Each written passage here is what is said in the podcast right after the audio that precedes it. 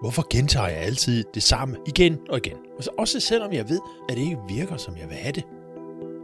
Mange af mine kunder begynder med sætninger i den stil, når vi mødes første gang. De fortsætter ofte med, og jeg har prøvet at ændre det. Jeg har virkelig gjort alt det, som alle siger, man skal gøre, men det hjælper mig bare ikke. Velkommen til Hypnotisk Kvarter, hvor vi i dag vil udforske nogle af de centrale årsager til, hvorfor mennesker gentager mønstre, der erfaringsmæssigt alligevel ikke fungerer optimalt. At gentage de samme mønstre og adfærdsmæssige vaner, selv når vi står over for vanskeligheder, er en fælles menneskelig tendens. Den kan have dybtgående konsekvenser for vores liv og trivsel. Vi vil i dag også se på, hvordan de her gentagende mønstre kan påvirke hver enkelt af os og give os nogle strategier til at bryde ud af mønstrene. Først og fremmest så er der nogle psykologiske årsager til, at vi gentager mønstre. Vaner og rutiner er en kraftig del af det. Mennesket har en naturlig indbygget tilbøjelighed til at skabe vaner og rutiner som en måde at reducere byrden ved at træffe beslutninger i hverdagen. Vaner kan være vanskelige at ændre for mennesket selv, også selvom de fører til negative resultater. Menneskets hjerne er det mest energiforbrugende organ. Hjernen blev formet, da det var nødvendigt at spare på energien, og derfor er vaner en glimrende metode til at reducere energiforbruget, når vi bare kan gøre det samme igen og igen. Metoden bygger på, at hvis løsningen i går sikrede vores overlevelse, så vil den sikkert også gøre det i dag. Og så er der frygten for det ukendte. Mange mennesker foretrækker det kendte, selvom det er negativt. Det ukendte, det kan fremkalde angst og usikkerhed, alene fordi hjernen ikke har en erfaring, der fortæller, at det kan være trygt at gennemføre noget nyt. Hjernen arbejder ud fra, hvad den har oplevet, og alt det, som den ikke har set fungere, vil derfor helt naturligt blive betragtet som potentielt farligt. Det kan resultere i gentagende mønstre, der fastholder mennesket i det, vi kalder komfortzonen. Selvbilledet og selvværd, det spiller også en vigtig rolle. Menneskers selvopfattelse og selvværd kan påvirke deres adfærd. Når nogen har et lavt selvværd eller en negativ selvopfattelse, så kan de gentage mønstre, adfærd, der bekræfter deres negative tro om sig selv. Også derfor er det afgørende at arbejde med sit selvværd og smide de tillærte begrænsninger væk. Lav selvværd påvirker ikke bare den enkeltes opfattelse af velvære og tryghed, men spiller også en stor rolle, når der skal findes partner, nyt job, bolig og meget andet. Selvregulering kan også være en årsag. Manglen på evnen til at regulere sig selv og sin adfærd kan føre til mange gentagende og uhensigtsmæssige mønstre. Er personen for eksempel ikke i stand til at styre sine impulser og følelser, så kan de samme destruktive mønstre vise sig i forskellige situationer, hvor andre handlinger havde været mere konstruktive. Og her vil der ofte være tale om en form for personlighedsforstyrrelse. Der kan også være neurologiske årsager til, at vi gentager mønstre. For eksempel spiller neuroplasticitet en stor rolle. Det handler om, at hjernen og dens evne til at ændre sig kan føre til gentagende mønstre. Og hvis vi gentager adfærdsmønstre ofte, så styrker vi de neurologiske forbindelser i hjernen, der har med det område eller den opgave at gøre, og det gør dem mere modstandsdygtige over for ændringer. I hjernen kommunikerer hjerneceller med hinanden ved hjælp af elektriske impulser, bestemte handlinger, som omfatter bestemte områder af hjernen, der bruges meget ofte, vil derfor på det nærmeste gro sammen, og vil så at sige danne kraftige og kabelforbindelser. Den styrkelse vil gøre det vanskeligere at ændre vanen, som du kender det fra for eksempel vanen med, hvilken side af munden du først fører tandbørsten til. Belønningscentret i hjernen det spiller også en stor rolle. Gentagende adfærdsmønstre kan være forbundet med hjernens belønningscenter, så når en bestemt adfærd udløser netop belønningssignaler i hjernen, så er det svært at ændre adfærden, selvom den er skadelig eller ubrugelig. Du ser det hos de mange, der konstant søger tilfredsstillelsen på sociale medier, måler på antallet af likes og følgere osv. Du kender det også fra arbejdspladsen eller studiet, hvor nogle mennesker rutinemæssigt gør de samme ting, selv om ingen længere giver den opmærksomhed, der engang skabte vanen. Automatiserede reaktioner handler om, at når gentagende mønstre er blevet gjort automatiseret, så kan det være svært at stoppe dem selv.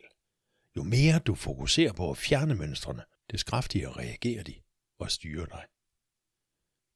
Det du har fokus på, tror din hjerne, du vil opleve mere af. Derfor gør den dig opmærksom på indtryk, der i virkeligheden bekræfter det, du i bund og grund vil af med.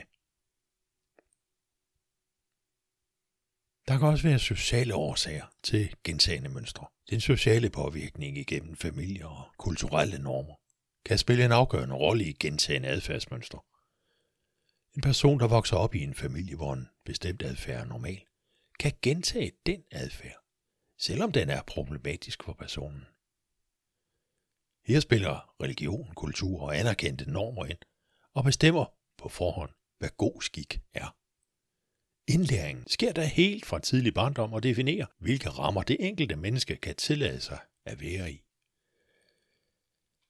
Personlige værdier og dyder kan konflikte med fællesskabsinteresser, og det kan gøre det vanskeligt at bryde ud af de etablerede rammer uden store personlige omkostninger. Gruppepres spiller også en rolle. Det er naturligt for mennesket at tilpasse sig en gruppes forventninger og adfærd. Selv når de etablerede rammer begrænser den enkelte, så vil hjernen søge accept fra omgivelserne, fordi det til sydenladende sikrer den basale overlevelse bedst. Selv når en person er klar over, at de gentagende mønstre er skadelige, så ønsker den at være accepteret af den sociale gruppe, familien, samfundet, religionen, kollegerne osv. Sociale støttenetværk kan få mennesker til at gentage adfærdsmønstre, der for udenforstående virker fuldstændig uhensigtsmæssige. Et stærkt socialt støttenetværk, der sørger for en vis sikkerhed, kan få mennesker til at opretholde ellers forældede mønstre. Er støttenetværket lykkedes med at etablere ideen om, at netop det netværk er det eneste, der kan sikre personen, så vil den ofte være villig til at underkende egne behov, ønsker og idéer. Fordi alternativet uden netværket ser fortruende ud. Selv når personen står for store vanskeligheder. Der er her tale om et tillært mønster, som hænger nøje sammen med det specifikke netværk og netværkets regler. Og alt andet er derved uden diskussion ikke bare anderledes, men også farligt eller dybt kritisabelt. Nogle af konsekvenserne af gentagende mønstre kan være manglende personlig vækst. Generelt stagnation i livet, der forhindrer personlig vækst og udvikling, møder jeg af og til, når vaner skal brydes. Ønsket og ideen om, hvordan det burde være, findes godt nok, men den er hidtil dømt umulig af den selv samme funktion i hjernen, der oprindeligt tillod den gamle løsning at være sandheden. Gentagende mønstre kan have en negativ virkning, mentalt, fysisk og følelsesmæssigt. Og gentagende ukonstruktive adfærdsmønstre kan føre til stress, angst og depression. Og det er helt almindeligt, at mine kunder, der mødte stressmuren, har overbelastet sig selv på grund af normer og regelsæt, forventninger der oprindeligt opstod for at tilfredsstille andre. Fysiske konsekvenser, såsom overvægt eller afhængighed, kan også være en følge af de tillærte rutiner, vaner og normer. Relationerne kan lide som en følge af gentagende mønstre, for konflikter kan let opstå og forværre relationerne med andre mennesker. Der er talrige eksempler på en åbenlyst urimelig adfærd, der alene bygger på vaner når forældre kræver at have ret alene, fordi de engang, da barnet var yngre, var de klogeste. Eller når en partner mener, den har ret til at bestemme alt, fordi den selv oplevede det på den måde som barn, ja, så har vanen slået fejl. Flere gange har jeg hørt begrundelser i stil med, jamen det var jo sådan mine forældre gjorde. Det er selvfølgelig en logisk forklaring, der samtidig er fuldstændig uden værdi, for forældrene havde sandsynligvis lært det fra deres forældre og så videre, og så videre tilbage gennem generationerne, hvor kønsroller, familiemønstre og omgivelser skrav var fuldstændig anderledes. Det bliver også tydeligt, at adfærdsmønstre, vaner og gentagelser har taget magten, når de gentagende mønstre forhindrer, at du kan nå dine mål og drømme. Det er helt naturligt, fordi mønstrene langt fra altid tager højde for de aktuelle omstændigheder Vaner og mønstre opstår, når en rutine synes at være en nyttig løsning, og så fortsætter de derfra uendeligt, indtil du griber ind. Som verden udvikles og nye muligheder opstår løbende, med stadig større hastighed, så vil vanen hurtigt blive forældet. En del af mine kunder med stress har for eksempel fundet, at når de rutinemæssige indstillinger og forudindfattede synspunkter blev opdateret, så aftog vanetænkningen. Fordommene forsvandt sammen med stressen. Poeten og opfinderen Pete Hein fortalte os, at den vildeste fantasi er at tro, at ting ikke kan være anderledes, end de er. Så at tillade dig, måske at tingene kunne være anderledes, det er den sikre vej til at lykkes og lettere nå dine mål. Og hvordan opløser du så gentagende mønstre? Allerførst så en ny selverkendelse nødvendig. Typisk ved de gentagende situationer, hvor du ikke opnår det, du ønsker, være anledningen til at blive opmærksom på gentagende mønstre og forstå deres årsager. Næsten alle mennesker reflekterer bevidst eller ubevidst over, hvorfor det gik, som det gjorde. Den eftertænksomhed ved hos normalt fungerende mennesker også indeholde tanker om egen adfærd. Hvad kunne jeg have gjort anderledes? Er det almindelige spørgsmål, jeg møder. En sjældent gang hører jeg det fra mennesker, der har lært at tro alt er deres skyld. Det er typisk mennesker, der er vokset op i dysfunktionelle familier, eller har levet længe, alt for længe, sammen med for eksempel narcissister eller andre med personlighedsforstyrrelser. Det er normalt at reflektere over tingene, når noget gik anderledes, end du ventede. Det er en del af menneskets indlæring og erfaringsopsamling. Opdager du, at resultatet var stærkt påvirket af dine gamle mønstre, så vil der typisk opstå et ønske om forandring. At ændre gamle vaner og adfærdsmønstre selv kan være en stor opgave. Det er muligt. Og det kræver tid, vedholdenhed og viden om, hvilke metoder du kan udnytte bedst. Du kan opnå en hurtigere og nok så effektiv ændring ved at søge professionel hjælp. Vaner er tillærte reflekser, der fra underbevidste sind styrer dine handlinger, tanker og forestillinger om dine muligheder. Min erfaring er, at underbevidste sind mest effektivt kan påvirkes til en ny og mere konstruktiv opfattelse af virkeligheden ved hjælp af hypnose. I opvækstens første syv år er hjernen i den samme frekvens, i det samme frekvensområde som under hypnose. Der accepterer hjernen umiddelbart, hvad den ser, hører, oplever, smager og erfarer som sandheden. Først efter syv års alderen har hjernen kapacitet til at tvivle på indtrykkene, og der er den umiddelbare indlæring fra naturens side lukket.